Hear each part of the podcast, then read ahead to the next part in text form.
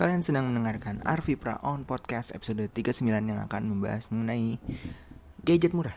Ya, intro musik masuk. Halo,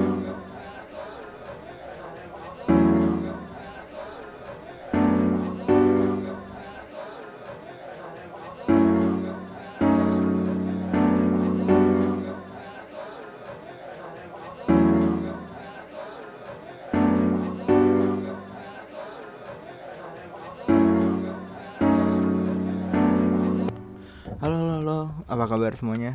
Gimana, gimana, gimana? Yang merasa minggu kemarin adalah minggu terberat kalian dan kalian baru istirahat. Di Sabtu dan Minggu tiba-tiba anjir udah hari Senin lagi dan sekarang hari Selasa gitu kan. Eh, ya apa? Terus kalian berharap semoga minggu ini sedikit lebih ringan dari minggu kemarin. Well, I hope you get get a great great week. Jadi untuk yang baru dengerin podcast ini dan tanya-tanya ini apaan sih? Jadi di sini gue akan ngoceh sekitar 30 menit. Mungkin lebih mengenai gadget, tech, dan dunia di sekitarnya. Podcast ini bisa kalian akses di SoundCloud, Apple Podcast. Eh, jadi Apple Podcast ini sebenarnya iTunes Podcast cuman eh, di iOS setelah peluncuran iOS 11 itu namanya dirubah menjadi Apple Podcast. Eh, terus juga di aplikasi podcast Android apa pun. Bisa podcast Republic, bisa Stitcher, bisa TuneIn, pokoknya bisa didengar di situ. Dan juga di bisa via, langsung di website arvipra.my.id gitu. Untuk eh, bahasan yang lebih umum eh, kalian bisa cek minicast eh, di anchor.fm slash podcast. Udah ada tiga episode eh, di sana apa eh, ya gue bahas ses- hal yang umum sih. Eh, yang baru gue bahas tuh ada beberapa film dan komik yang gue bahas. Seperti itu. Karena nggak ada yang ngirim, email ngirim jadi langsung masuk eh, ini aja berita-berita terkini dari dunia gadget dan tech dulu oke? Eh, jadi eh, di hari Selasa ini Motorola akan merilis apa ya tiga smartphone mereka di Indonesia. Eh, dua udah di tease di YouTube YouTube. Nah, reviewer reviewer reviewer reviewer reviewer lokal eh, kesayangan kalian kayaknya udah ada yang banyak yang bikin video tentang ini. Eh, yang pertama itu ada Moto C Plus harganya 1,7 juta Moto C Plus ini ntar gue cek dulu speknya. Gimana sih Luffy? Riset dulu lah.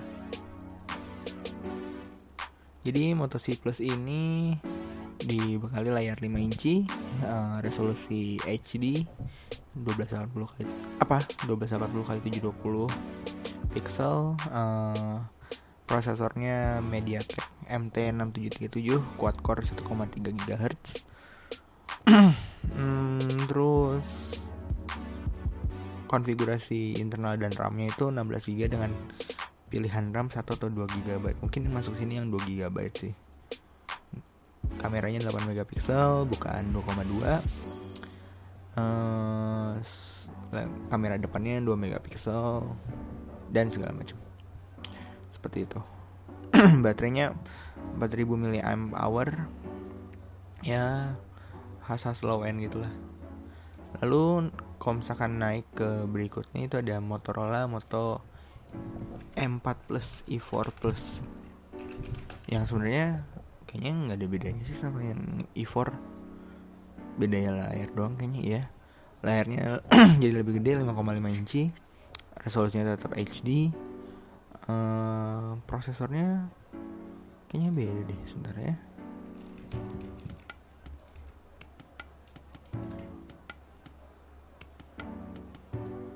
nggak ding prosesornya sama kayak Mo- Moto C Plus eh Moto C Plus tadi MT 6737 yang ngebedain itu RAM-nya 3 GB dan konfigurasi internalnya bisa 16 GB atau 32 GB kameranya juga mendapatkan upgrade jadi 13 megapiksel dengan bukaan yang lebih lebar dibandingkan Moto i M4 yaitu bukannya dua. Eh apalagi ya? Udah sih sama baterainya jadi 5000 mAh wow gede banget. Nah lalu yang terakhir ini apa namanya? Yang terakhir ini tuh dia katanya sih akan menyaingi jadi apa jadi saingan terdekatnya dari HP yang ya nanti abis ini juga gue kasih tahu sih. Jadi setelah Moto C E4 Plus dan Moto G5S Plus. Jadi Moto G5S Plus ini uh, sangat beda dari yang tadi yang gue sebutin sebelumnya. Dia layarnya 5,5 inci dengan resolusi Full HD 1920 x 1080p eh pixel terus uh, prosesornya pakai prosesor sejuta umat saat ini Snapdragon 625 dengan konfigurasi uh, storage 32 GB dan RAM 3 GB nggak tahu apakah yang versi 64 GB dan 4 GB RAM akan keluar belum tahu. Soalnya mungkin yang keluar yang 32 GB dan 3 GB RAM. Kameranya ada dua apa kameranya menggunakan dual kamera gitu ala ala sekarang.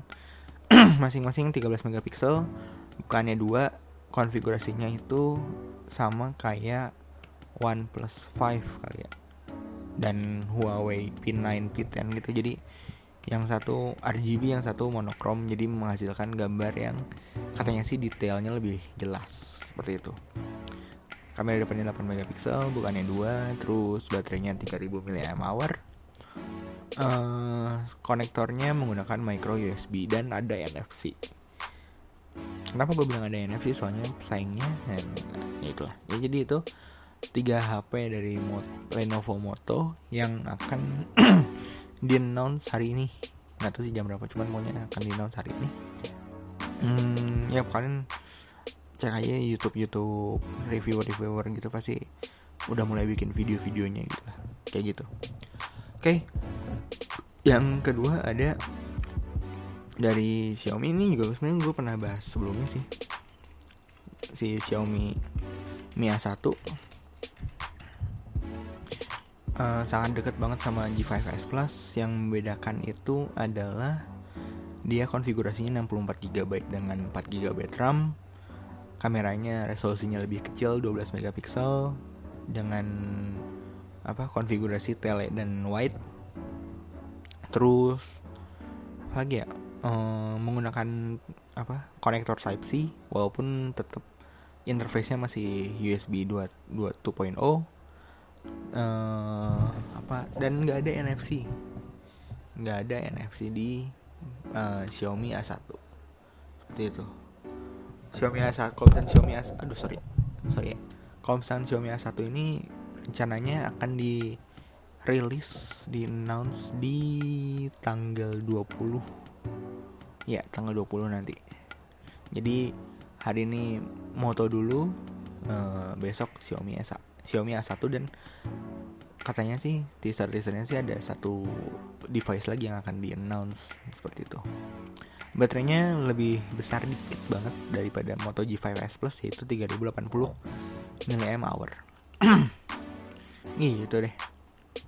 Nah terus dari Xiaomi um, berita ketiga itu dari Apple yang kemarin ngerilis tiga device tiga device iPhone terbaru dan satu Apple Watch generasi terbaru.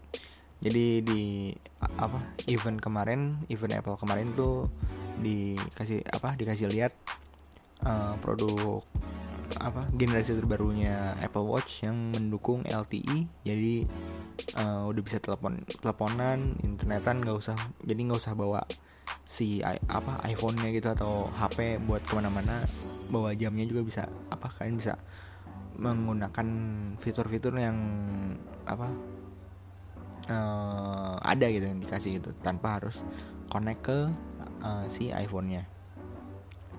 Terus uh, harganya itu sekitar 399 dolar. Iya kali ya. Kok gitu. Gue lupa sih. Ntar ya.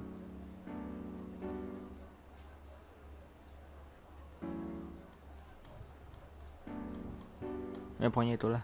Gue lupa harganya. Pokoknya segituan lah. Nah terus uh, untuk Apple Watch sebenarnya gue nggak terlalu ini sih.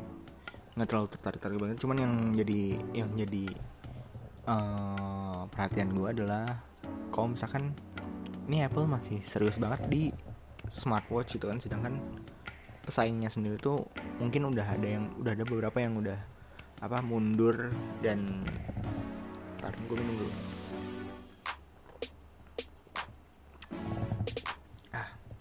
udah ada yang mundur udah ada yang bahkan Android Wear aja udah nggak tahu nggak nggak kelihatan lagi uh, betang hidungnya kan nggak update nya dan segala macam seperti itu. Jadi uh, Apple masih masih berjuang aja tuh di situ. Seperti itu. Uh, device yang lainnya itu ada dari iPhone 8 dan iPhone 8 Plus iPhone uh, 8 dan 8 Plus ini menggunakan prosesor uh, apa A11 Bionic yang si kata apa ada yang menyebutkan bahwa kemampuan dari prosesor A11 Bionic ini dia um, apa sebanding sama MacBook Pro itu kalau nggak salah. Si benchmarknya tapi benchmarknya masih benchmark Antutu doang sih. Jadi benchmarknya itu skornya itu udah 200 ribuan sedangkan uh, setahu gua aja S8 dengan prosesor Snapdragon paling canggih Snapdragon 835 itu skornya itu tuh cuman nyampe 130 ribu. Sedangkan si A11 Bionic ini tuh bisa nyampe 200 ribu seperti itu. Ya tadi sih ya, ya begitulah.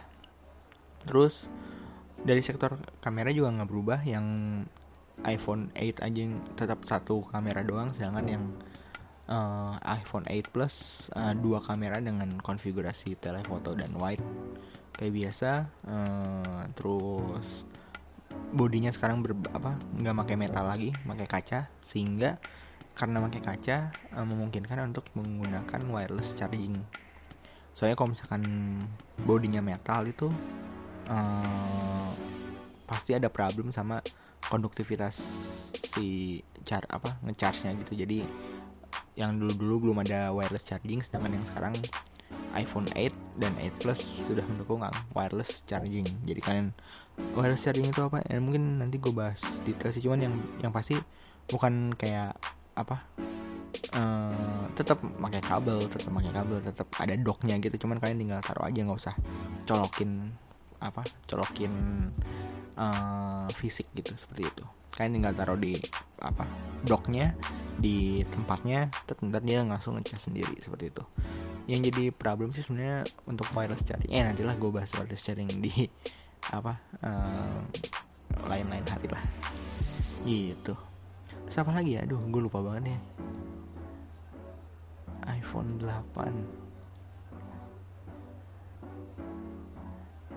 uh, goldnya kalau nggak salah warnanya ada yang lebih baru. Kalau nggak salah ya gue lupa. Terus wireless charging iya.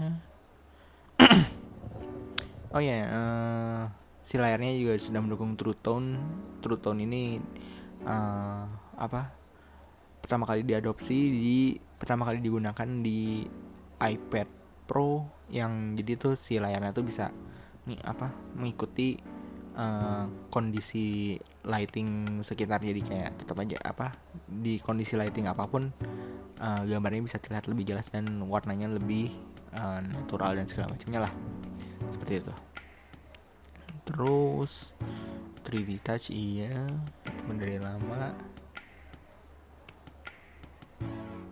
Kamera iya. Kameranya kalau nggak nggak beda-beda banget deh nggak beda-beda jauh eh cuman ada ini ada ada portrait mode portrait mode di iPhone itu ada fitur baru yang di mana tuh apa uh, lu bisa kayak nge-emulate nge simulasiin kondisi cahaya yang kalau misalkan kayak uh, kondisi cahaya di studio gitu kan.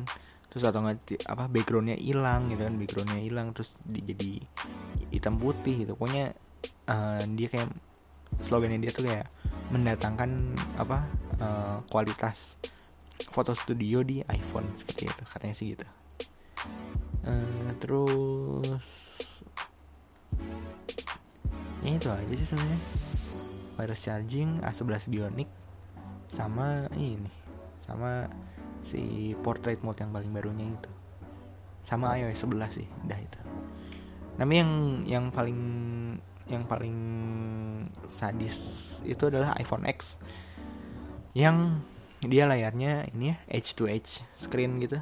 Jadi kayak S S8 G6 apalagi ya itu pokoknya uh, screen to body ratio rasionya tuh sangat-sangat gede besar banget. Mungkin sekitar 88% di atas 88% soalnya si si apa bodinya tuh yang ketutupan layar tuh cuman bagian atas doang yang tertempel. Apa? Kamera infrared uh, sensor terus proximity proximity apalah. Pokoknya di atas di bagian atasnya tuh ada uh, satu set full untuk pendeteksi wajah buat uh, face unlocknya itu face ID nah karena layar semua jadi si iPhone X ini tuh dia ngebuang si Touch ID-nya jadi untuk lock screen itu udah nggak menggunakan fingerprint lagi tapi menggunakan Face ID yang katanya sih lebih cepat, lebih akurat, lebih lebih aman katanya.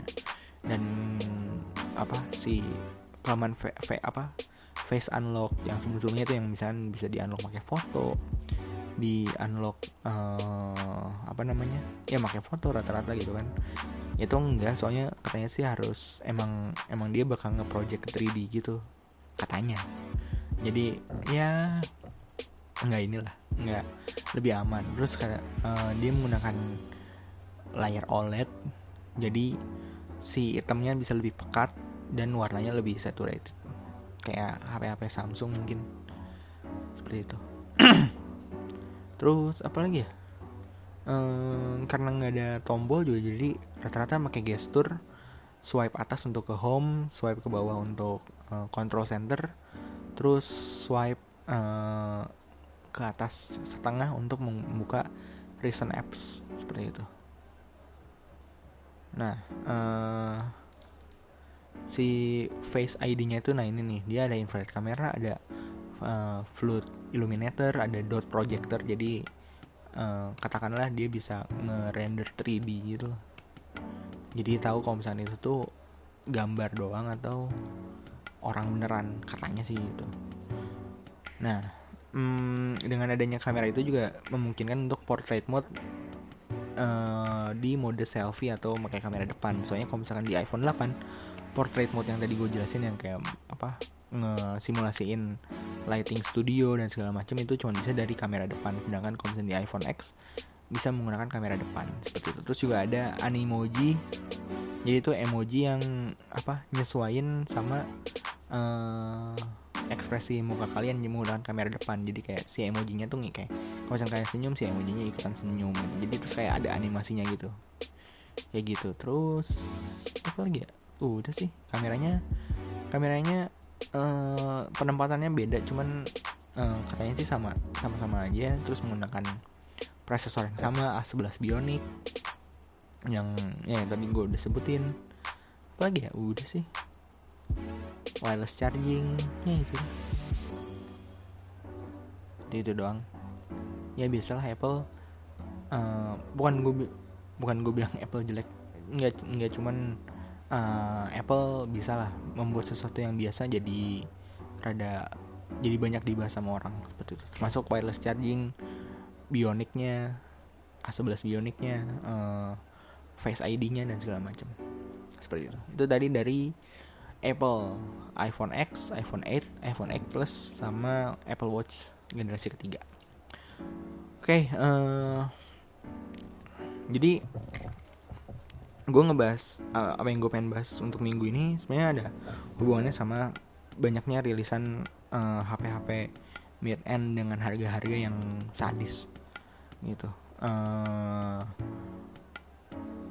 jadi ya kan hari ini G5S Plus di announce besok Xiaomi A1 di rilis di Indonesia gitu kan. Terus uh, ya banyak lah yang misalnya contohnya di Xiaomi A1 kan gue kan gabung ke grup suatu grup ngebahas gadget gitu lah dan terus kayak banyak yang ngebahas tentang Mi A1 ini ada yang debat mengenai MIUI versus AOSP uh, kalau misalnya ada yang penasaran ada nggak tahu Android AOSP itu apa bisa cek podcast sebelum sebelumnya uh, tadi juga gue taruh linknya di deskripsi.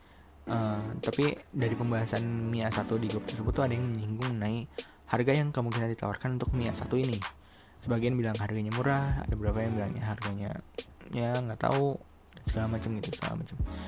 Jadi seiring perkembangan teknologi yang semakin bisa menjamah banyak orang harga itu termasuk salah satu pertimbangan seseorang dalam membeli sebuah gadget itu kan. Kalian bisa coba cek ke Google atau misalnya cek ke sosmednya tech reviewer pasti banyak yang nanya dengan pertanyaan seperti ini. Bang gadget murah yang recommended dong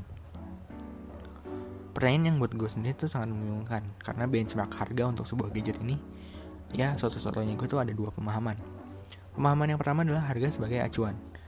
Ya kan memang uh, murah itu kan berarti kan uh, kita membahas mengenai harga gitu kan. Uh, murah tidaknya suatu barang kan kita lihat dari nominalnya gitu kan. Nominal yang bisa terukur ter, ter, terukur gitu kan. Yaitu harganya gitu kan. Masalahnya uh, tidak ada batas maksimal yang jelas untuk menyebutkan suatu gadget memiliki harga yang murah. Apakah gadget murah itu dari 0 rupiah sampai 2 juta rupiah? Atau 3 juta rupiah? Kalau misalnya 3 juta rupiah lalu HP yang menengah memiliki range harga berapa? Ya kan? Dan flagship punya HP-HP flagship HP high end high end punya range minimal berapa gitu kan? Apalagi sejak munculnya brand-brand seperti OnePlus, Xiaomi gitu kan? Yang biasanya disebut sebagai perusak harga pasar OnePlus menyebut brand mereka sebagai flagship killer uh, salah satu smartphone terbaru mereka ya salah satu saya emang satu-satunya smartphone terbaru mereka. Uh, OnePlus 5 dihargai 500 dolar uh, dengan spesifikasi yang bisa dibilang setara dengan Galaxy Note 8 yang harganya tuh 925 US dollar hampir dua kali lipat dari OnePlus 5 dari segi harga OnePlus 5 seharusnya masuk HP mid end karena hmm, katakanlah HP mid end dari ya 3 juta sampai 7 juta lah atau 6 juta. Namun memiliki spesifikasi yang high end gitu kan. Nah uh, itu dari kasus yang uh, apa HP kelas atas itu kan. Untuk tingkat bawah tuh uh, ntar gue benerin posisi duduk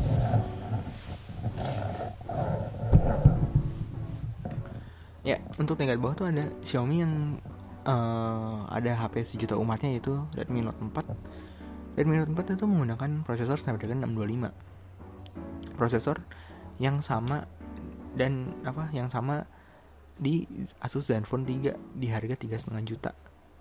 Dan Moto Z2 Play nggak ding Moto Z2 Play menggunakan 626 uh, cuman ya 6, 626 tuh ya versi overclock dikit dari 625 doang sih.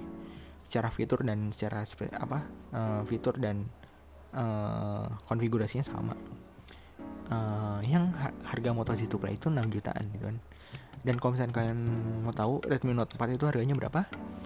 Jadi saat ini tuh di era phone tuh untuk kapasitas 32 GB dan RAM 3 GB itu dihargai 2,2 juta. Secara hardware masuk ke mid end tapi harganya berkisar di 1 sampai 2 jutaan gitu kan. Seperti itu. Nah gimana tuh? Untuk menentukan kelas-kelas smartphone dilihat dari harganya itu cukup sulit karena pengaruh beberapa brand yang merusak harga pasar katakanlah seperti itu. Uh, itu tadi satu.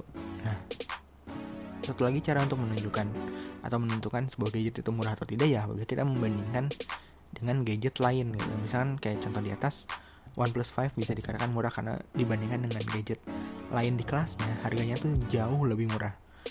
Selain membandingkan apa spesifikasi perbandingan experience juga bisa menentukan jadi kayak contohnya Mi A1 nih menurut gua. Smartphone tersebut tuh bisa dikatakan sangat murah. Meskipun dihargai misalkan uh, berapa ya? Uh, tapi karena karena ini Moto G5S Plus juga udah mau muncul juga. Jadi kayaknya 3 jutaan tuh uh, menurut gue tuh Mi A1 tuh mungkin murah banget tuh 3 juta. Karena di Indonesia tuh sangat jarang smartphone dengan Android OSP atau pure Android gitu kan. Ya bisa dihitung dengan jari lah uh, apalagi yang udah bekerja sama dengan Google untuk dukungan update ke depannya gitu kan kayak menurut pengamatan gue smartphone seperti itu hanya ditemukan di Lenovo Moto untuk jalur resmi dan untuk jalur non resmi itu ada OnePlus, Google Pixel, Google Nexus dengan harga yang di atas 5 juta rupiah semuanya. Pengalaman Android murni di bawah 5 juta tuh baru bisa dirasakan rasakan di Lenovo Moto E4 saat gue lagi ngerekam sekarang belum merilis Moto C Plus, Moto C, Moto E4 Plus dan Moto G5S Plus atau membeli Nexus bekas seperti Nexus 5 atau Nexus 6. Datangnya Mi A1 ini jadi jawaban untuk smartphone dengan experience stock di harga antara low end dan high apa? Antara low end, mid end gitu. Contoh berikutnya di luar Xiaomi dan OnePlus tuh ada LG G6 yang harganya saat ini tuh semakin turun dibandingkan dengan Galaxy S8 yang stabil di 10 jutaan sedangkan rivalnya di harga 8 juta. Bahkan ada beberapa vendor yang memberikan harga 7 juta seperti itu. Uh, dan rata-rata juga apa uh, kalau misalkan kalian ngarep uh, gadget murah ya kalian jangan sampai ngarep harganya akan stabil atau gimana. Soalnya pasti apa si harganya tuh gampang turun. Uh, seiring soalnya kalau misalkan yang mid end itu menurut gue sih waktu pemakaiannya itu lebih dikit dibandingkan flagship gitu. Itu kalau misalnya flagship mungkin bisa 3 sampai 4 tahun. Mid end tuh mungkin 1 sampai 2 tahun itu udah flop. Mungkin ya kayak gitu. Oke okay, uh, eh, apa yang gue bahas tadi sebenarnya pengen mau ngasih tahu ke teman-teman aja. Kalau misalkan kata murah itu tuh sangatlah luas. Faktor pengaruhnya tuh banyak jadi kalau misalnya kalian nanya-nanya ke toko ke temen tech reviewer mengenai rekomendasi gadget baiknya kalian kasih rincian yang jelas budget kalian berapa kebutuhannya untuk apa selera kalian bagaimana. Uh, biasanya sih kalau misalnya ada yang nanya ke gue misalnya Vi mau beli HP HP apa yang oke okay ya? Uh, eh, gue pasti minta rincian yang lebih detail gitu kan dan memberikan di opsi minimal 3 smartphone untuk dijadikan perbandingan. Kalau misalkan uh, lebih lanjutnya lagi kalian bisa cek uh, apa guide membeli handphone di podcast sebelumnya juga ada. Ntar gue kasih link di deskripsi di bawah. Uh, jadi kalian bisa dengar itu terus kalian bisa tahu kira-kira faktor-faktor apa yang perlu kalian apa uh, fokuskan untuk dalam kalian membeli sebuah gadget atau sebuah HP atau sebuah apalah. Seperti itu. Uh, ya uh, itu aja dari gue kalau misalnya kalian mau nanya-nanya terkait gadget tech atau minta uh, ngebahas sesuatu itu kan. Kalaupun kau apa kalaupun di luar gadget atau tech kalian bisa aja ngomong-ngomong aja ntar. Uh, kalau misalnya yang di luar gadget sama tech ini uh, mungkin akan gue bahas di minicast di anchor.fm slash podcast. Gitu. Kalau kalian pengen nanya-nanya kalian bisa langsung kirim aja email ke kotak surat at arvipra.my.id ntar uh, eh, gue bacain di podcast di episode minggu depan dan gue jawab juga seperti itu. Uh, kalian juga bisa uh, follow sosmed Arvi Prawan Podcast di Instagram, lain Twitter atau Facebook. Ya search aja Arvi Prawan Podcast. Tapi kalau misalnya kalian udah dengerin ini sih ya stay aja di sini sih nggak usah follow follow sosmed itu. Sebenarnya gue sosmed ini siapa uh, buat nge-reach orang luar aja sih sebenarnya. Sama apa ya publicity dan publikasi-publikasi lain, lain lainnya lah seperti itu. Uh, oh ya sebenarnya gue mau minta maaf kalau misalnya minggu kemarin gue nggak bisa nggak nggak ada episode baru di Arvi Pro Podcast karena ada uh, satu dan lain hal yang harus gue kerjain. Nah, seperti itu. Uh, jadi Arvi Pro Podcast ini ya kalau rajin sih selasa pagi sih. Ini maaf aja kalau misalkan ada yang apa ada minggu-minggu yang kelewat dan segala macam. Oke okay, uh, thanks for listening. Have a great have a great week. Temukan passion kalian dan jadi yang terbaik. Bye